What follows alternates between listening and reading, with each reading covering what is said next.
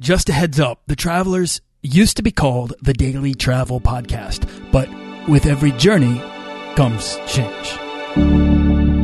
This podcast is produced by Holocene, a community of creative travelers. If you want to get serious about planning that next trip, writing that book, starting that creative project, or launching that business, we're breaking down the barriers between where you are where you want to be together at joinholocene.com. That's join, H O L O C E N E.com.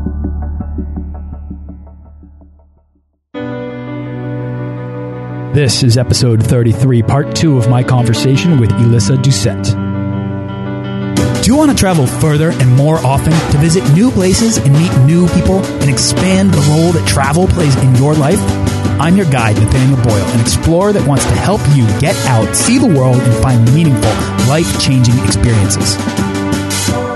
Everyone wants to be adventurous and have great stories. To do the stuff of legend, this is the Daily Travel Podcast.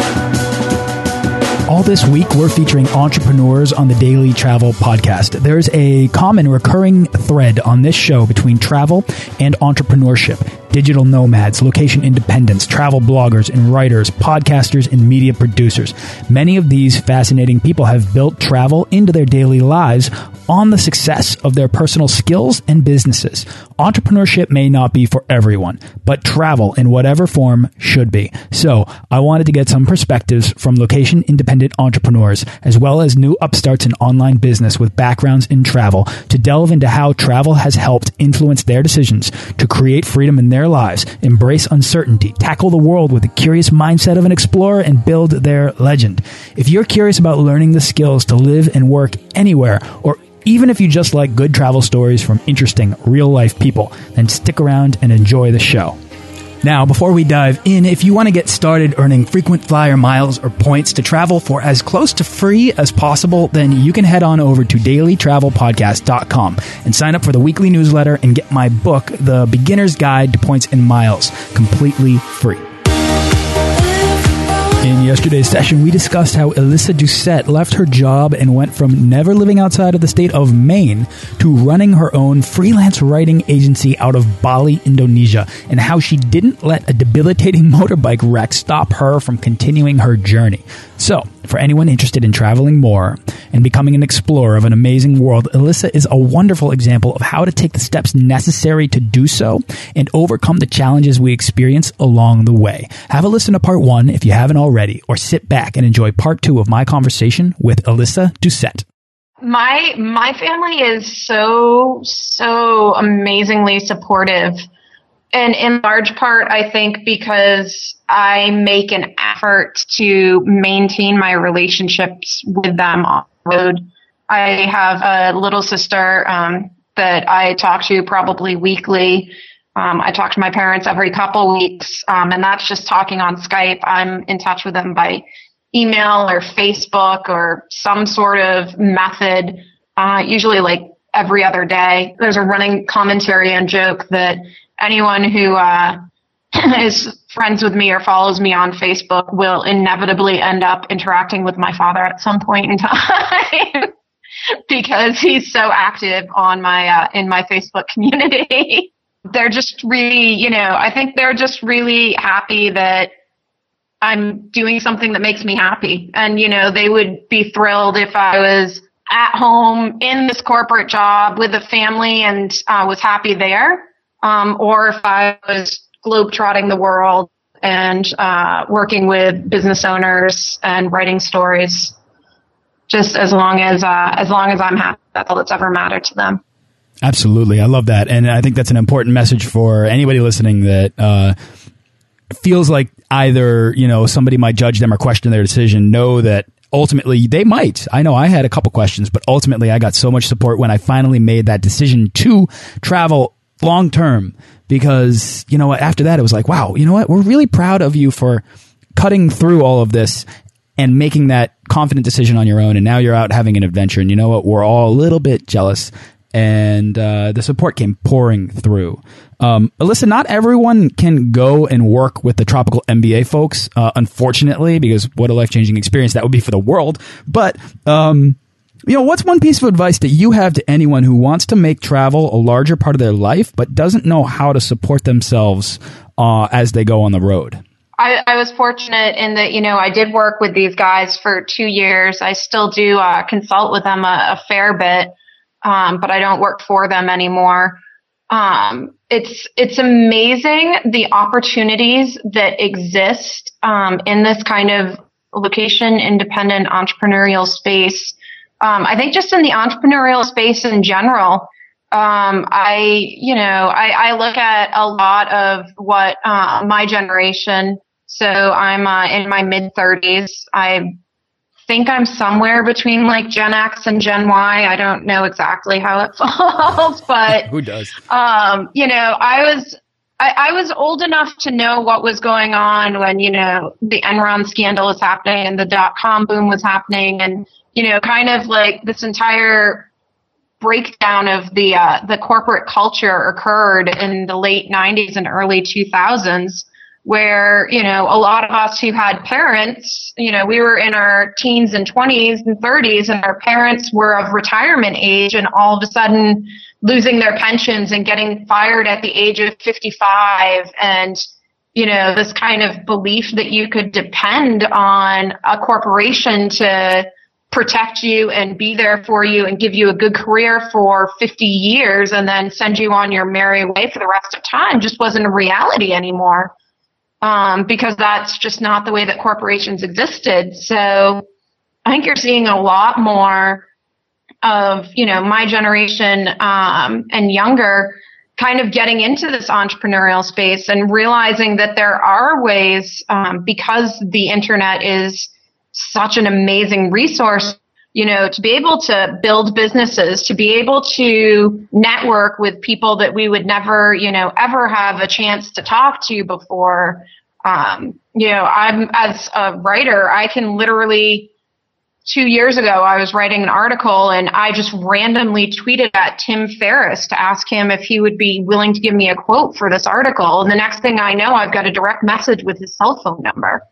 Like that doesn't happen without no. the internet. That's so Believe true. Me, I would love to land Tim Ferriss's cell phone number just like on my good merit and charm, but I don't think that's going to be happening. so, you know, we, th- there's this great opportunity that's really, um, being utilized in this resource of the internet. And then there's also this reality of all of us kind of realizing like, you know, we, we now are in a uh, revolutionized workspace that we can no longer trust that uh, a company is going to be there for us for 50 years. So we've got to become a lot more self-reliant, self-dependent, um, and be able to kind of do that for ourselves. Absolutely. And I find that one of the best ways to do that is to identify the skills that you have or you can get in order to uh, become comfortable with relying on yourself and, and generating your, your own income. It can often cost less to live on the road. And so if you have a means to support yourself in place, uh, and you make you know baby steps, incremental baby steps towards becoming comfortable with making your own money and keeping yourself afloat, you can actually begin to create these lives that people like Elisa and a bunch of other guests that we have uh, have, in which they can uh, they can travel and incorporate world exploration in, into their daily routine which is amazing. I was just going to say, I was uh, talking to a friend of mine a couple of weeks ago. Um, I just, for the first time in three years, actually uh, signed a lease for an apartment here in uh, Chiang Mai. Um, it's probably my favorite place in all my travels. It's kind of the home base I keep popping back to. People love on the road. People love it. Oh, it's so gorgeous um, and so relaxed, and I just it's it's my happy place. and uh, I basically walked into this apartment that's this um, massive loft warehouse space with chandeliers and vintage velvet chairs and a huge cushy couch and it, it just like hit me that this was exactly the type of you know place that I've wanted to live in since I was you know 19 20 years old and I was talking to this friend of mine in San Francisco and he's like so like what are you doing um this morning and I, I wrote back something extremely pithy and was basically like, well, my friends passed out on my couch because we drank too much sangria last night and I'm laying in bed answering emails. Um, cause that's the glamorous life that I lead on the road sometimes, as you said. A day in the life. sometimes I drink too much sangria the night before and still have to wake up at eight o'clock in the morning and start working my emails to keep, you know, make sure that my clients are being taken care of by my team. and, and so he writes back to me and he's like, really? You had to move to Thailand to do that? and uh, and I wrote back to him and I said, "Well, I'm doing it from you know my and I was completely that jerk on the road, but in that moment realized like this is a type of geo arbitrage that I'm able to enlist. I said, you know, I'm doing this from, you know, my bedroom in my loft studio with chandeliers and velvet chairs and blah, blah, blah, blah, blah, that I pay 500 bucks a month for. Exactly. And he wrote back and was like, yeah, I pay a little bit more than that to live in San Francisco. yeah, just a little in San Fran. but that's exactly it. And you're you're paying less, so your your uh, your overhead, your life, your living expenses, and your overhead are much lower. Uh, and that kind of gives you a degree of freedom to be able to get started, especially for anybody that wants to start doing this. You can find ways to minimize your costs. And I know that they they preach this in the Tropical MBA program a lot. Um, Bali being an absurdly cheap place to live. Especially like if you find some of these places like Chiang Mai is an extremely brilliant place to uh, the the industry jargon terms I think are baseline and bootstrapping. Uh, but basically to live someplace really utilize the low cost of living to just pour money into building your business without having to worry that, you know, you're not going to have a place to live or you're going to be eating ramen noodles for the rest of time so I know people who move out here to start a business and are able to live on, you know, a thousand bucks a month, including rent. Including their rent. Yeah, my rent of five hundred dollars a month for my space is extremely high for Chiang Mai. Oh, so you're, you're you're living like a baller there. uh, it's uh, yeah, a, a, little bit, a little bit. Um, which is something that I enjoy about being on the road is um, it affords me, you know, as I said, when I, you know, did a video Skype with my parents and kind of gave them the grand tour of my apartment, my mom actually like teared up a little bit and she was like, this is seriously your dream apartment. You know, she's known me, she's known me for a while, so she's able to make that assessment. And, uh, and you know, I love being on the road and doing that because I can, you know, invest 50% of my fluid income into my business and into continuing to build it, but I can still live a really, really nice life as well. Um, because there's such an, an arbitrage that can happen living in some of these places. So there's kind of this like fallacy that, you know, everyone who is living over here and building businesses is, you know, sleeping on mats and like dirt floors and, you know, eating street noodles, you know, and questionable broths and meats and everything every night. And that's definitely not the case. You know, it's nice to hear that because it, it, it really does seem like it's it's such a departure from from everything you're used to to go and you know bootstrap it in Southeast Asia. I mean, talk about doing the absolute opposite. Most people can't. Most people need to take you know the the baby steps, the incremental steps towards getting there, and that seems like such a departure. But for you to say that you don't have to live uncomfortably and you can make these adjustments uh, to the to the the few other parts of your life that might be new discomforts uh, until you're comfortable with them, and then you move on to the next thing. Um, I, it, it, that's the nice reality for me to picture, and it makes it a little bit more digestible. Um, to consider, contemplate the the steps of integrating travel and living in Southeast Asia and doing all those radical things that you're doing. yeah, it's well, the baby steps is very true. I mean, you know, I'm at this point, but I also have been doing it for three years. Right. So right, exactly. So. Uh, Elisa, this has been an awesome conversation. I could go on. I have a thousand more questions for you, but we're running along, and if you're still up for it, uh, we can we can get to the uh, the rapid fire round at the end. Are you are you? Do you have time? I, I yes, I, I okay. have time. Although that sounds extremely overwhelming. that's what that's what editing is for. So don't worry about it. Here we go. Are you ready? So this is the part of the show where we're going to boil down the how and the why of travel into pragmatic advice. So I'm going to give you a series of questions, and you'll give me your best travel tips. Sound good? Okay. Brace yourself. Here we go. Uh, all right. So, for a lot of people, you know, taking that first step out the door can be the hardest part of travel. So, what's your advice for anyone dreaming to take that first step to becoming a world traveler? Uh, I think the first step that you really have to take is uh, adjusting your mindset to the the reality of what's about to happen for you. So, um, and and kind of doing a little bit of due diligence to realize that there's a lot of uh, bright, shiny happiness that's going to be occurring. Um, this is a really exciting step and a really, you know, fun thing that you're doing. But also understand that like there are realities and that there are things um, that you really are going to have to kind of crawl over in your mind. And as soon as you really accept that and make this what you're going to do instead of like the fun thing that sounds like it could be cool, uh, then it just becomes so much easier to purchase the plane tickets and sell the stuff and get the passports and do the things that you need to do because this is your new life you've committed to. With an answer like that, I can't believe you were nervous to get into this round. You just knocked that out of the park like it was batting practice. All right, so here's question. The next question: The biggest hurdle for most people who want to travel more is cost. So, do you have a secret money saving tip or a travel hack? Um, my I'm actually I um, am pretty adamantly opposed to um, credit cards and travel hacking um, on that level for just personal reasons. I got into some debt of my credit cards when I was uh, a bit younger, so I'm not always a big fan of manip- manipulating your your credit and your financials and everything for gains and goals like that. Um, but in terms of travel hacking, what I do is I actually, um, here in Southeast Asia, I use a travel hacking service. Um, so it's a site called Location Asia. And I just basically pay this extremely brilliant young woman from the Philippines $29 a month. And she is my go-to for any sort of travel needs that I have in Southeast Asia. If I need a flight, if I need a hotel, if I need an event, if I need anything taken care of, she's kind of my go-to girl.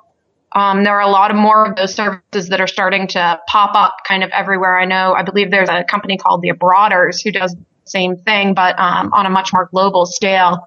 So if you're able to kind of get in with one of those companies, you may be able to make a small investment to elicit some massive gains. I love that. Wow, that's a great answer again. All right, so packing, easily my least favorite part of travel. Do you have any advice to help people pack better? Uh, so for packing, um, I'm actually uh, just started traveling carry on, uh, traveling checked, excuse me. When I started um, in Southeast Asia, I actually started uh, with a carry on backpack that was 32 liters and a messenger bag for my computer. Um, so for packing, it ends up being one of those things. Uh, you can always buy stuff wherever you are. So making sure that you just have the essentials and the things that are important to you and that you're going to need and are going to matter. Um, that that's all you really need to put in the bag, and anything else you can figure out along the way. That's it. Find that bag and stick to that bag, and don't don't add more bags. I the buying things on the road is always that saved me so many times from having to just lug things with me, and it keeps you more flexible. And uh, plus, it's it's it, it, can be a good experience to go to like a store and and shop locally. That's it's it, you learn so much. You're able to kind of you know get some stuff that is local, and that so you're you know supporting the economy that's currently supporting you, and it's a really good way to give back. Um, I I I love I, I, like any good American girl. I love shopping. So there you go. All right. Do you have a uh, favorite internet travel tool or resource?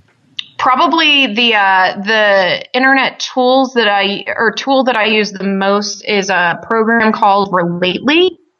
Um, and it's basically a program that manages uh, your contact with your network.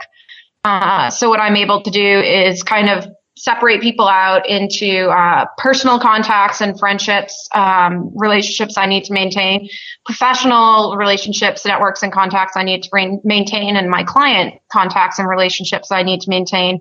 Um, and it actually tracks through my email, through Facebook, through Twitter.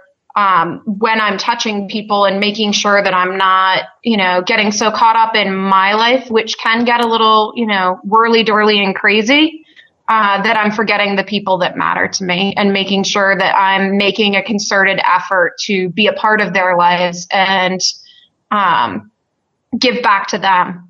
So I think that's part of the reason that my friends and family and my network of business peers is so supportive of me being on the road is I really, really make a conscious effort to maintain a presence in their life, even if I can't physically be there. I love that. I never heard of Relately, so I'm going to check that out. It sounds very useful. Uh, do you have a favorite travel book or a book that's inspired your travel style? I, I don't know. I don't. I don't know if it's a book so much, but I did um, recently come to the realization that I think I may have had a little bit too much of a childhood fixation um, with the concept of Peter Pan and Neverland. Love it. And uh, basically, uh, basically, I was uh, talking to someone a little bit ago, and had come to the conclusion, um, being a being a solo female traveler out here in Southeast Asia, there are a a fair amount of girls out here, but it is definitely a male dominated right our little subset of society right now. Um, not in a bad way. I never really have a problem with any of the guys. It's just there's a lot of guys and not a lot of chicks. Um, so basically, someone pointed out to me, I am now Wendy living on the island of lost boys. and, uh, and somehow I was okay with that. And that was when I, I realized like, huh, maybe I, maybe I, uh, connected a little bit too well with Peter Pan when I was young and didn't quite realize it. Amazing analogy. I love it. Uh, do you have a uh, favorite piece of travel gear that you take everywhere you go? I mean, to be honest, the thing that I always have with me is my Kindle. yeah. I, uh, I, I voraciously read. I usually, uh, I usually get through about two to three books a week. Wow. Uh, Teach me how to do that. I read a lot, and as you read a lot, you become conditioned to continuing to read a lot.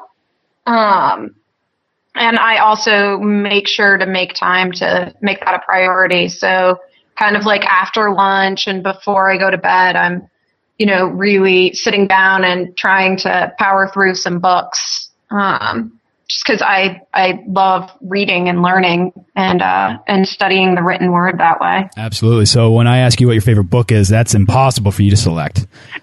that's literally. I, I feel like you may have just asked me to like name my favorite child or something. Very difficult. All right, last question of the round. What's the weirdest thing you've ever eaten? Mm, weirdest thing I've ever. When I first stayed um, in Chiang Mai. I stayed at this uh, little guest house that was run by such an adorable Thai family and this little like 70 year old Thai nanny.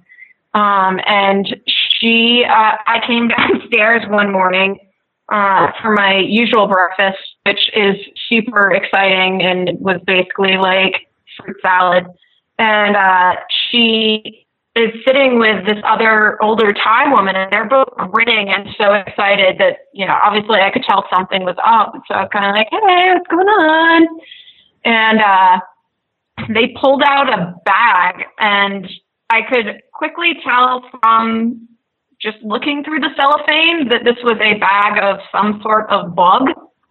Um, and basically they then proceeded to explain to me that they had bought this massive bag of fried queen flying ants, um, which they were purporting to be um, an extremely expensive Thai delicacy. I don't know if they were playing with white girl or if this was actually true, but they were very proud to give me you know, some of these ants to have with my fruit salad breakfast. Um, and I, you know, I, I'll try anything. I'm always curious about that kind of stuff. And more importantly, I did not want to offend my, you know, Thai Nani host in any way. So I sat down and chomped through about five or six of these little fried flying. Would you have them again? Um, I, I don't think voluntarily. uh, there's nothing necessarily wrong with them. They just were not not all that great. You know, I love this question because it it always pulls out these great stories uh, of, of interacting with people that are not mo- actually a lot of them involve people messing with other people or travelers getting messed with by locals. So that's just something. So if somebody's ever visiting you, mess with them because it, it makes for a great story. I, oh, to be honest, I usually do bring people down into. There's an entire road of the night market here in Chiang Mai that uh, that on Sunday nights has just stalls of fried insects, um, roasted and salted, and again, I don't, I, I never really see a lot of Thai people eating there. So I'm pretty sure I know what the stalls are there for. But I also have a lot of friends who are very excited to take a lot of Instagram pictures of them choking down caterpillars and various other buggy. That's it. And then they can come on this show and tell, tell us all about it. They'll be like, this girl, Elisa, she took us down there and forced us to eat silkworms. yes, the messer becomes the messy. Uh, so, uh, Elisa, what's next for you? Where's your next trip and uh, what's your next project? Um, my my next trip is actually a really important one to me. I'm going to be uh, coming home to the states this summer because my baby sister's getting married. Oh, yeah. So I will be uh, I will be home doing maid of honor duties dutifully, um, and just spending a lot of time with my family at what's obviously a very important time in our in our family dynamic, bringing someone else in and celebrating, you know, their relationship together. So I'm really excited about that. Um, and as for next projects, um, I just continue working at my own business. My own business is a, a company called Writing Business Well, and I just work with business owners who basically want to take the quality of their writing and make it better through proofreading and through writing coaching so that they can kind of establish themselves to be more of thought leaders and pioneers in their own industries. I love that. All right. Uh, is there anything else you'd like to share about travel or about anything that we've talked about before we wrap up? Uh, I think I have talked your ear off. You have. Um, You've made for a very easy interview. well, good. That that I, I uh, generally ramble incessantly, so I'm glad that the rambling will be pulled together. we'll cobble it together somehow. Elisa, where can, where can people go to find out more about you? Uh, easiest way to um, get to me is either through my business site, writingbusinesswell.com, or through my personal portfolio site, which is elisa Um, Elisa is E L I S A. Doucette is D O U C E T T E, just to make it super confusing for everyone. I spell Elisa like no one else does. Um, and then honestly, the best way to get in touch with me is, uh, is Twitter. So I'm just Elisa Doucette on Twitter as well. Um, and both of those sites link to me there.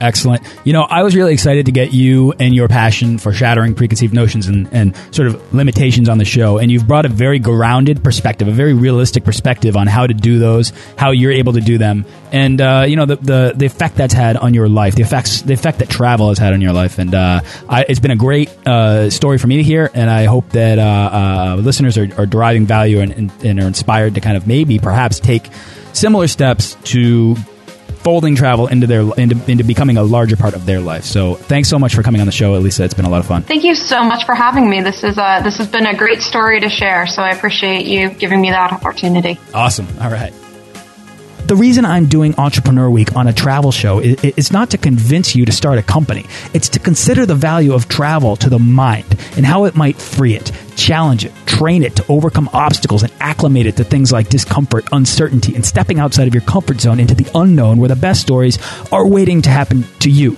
If this is something you want for yourself, then be sure to tune in to episodes 29 through 33 for more. Thanks for listening to this episode of the Daily Travel Podcast. For show notes and links to everything in this episode and more, head on over to dailytravelpodcast.com. Join our Facebook page of explorers and subscribe to our newsletter for the best deals and resources to help make your next trip life changing.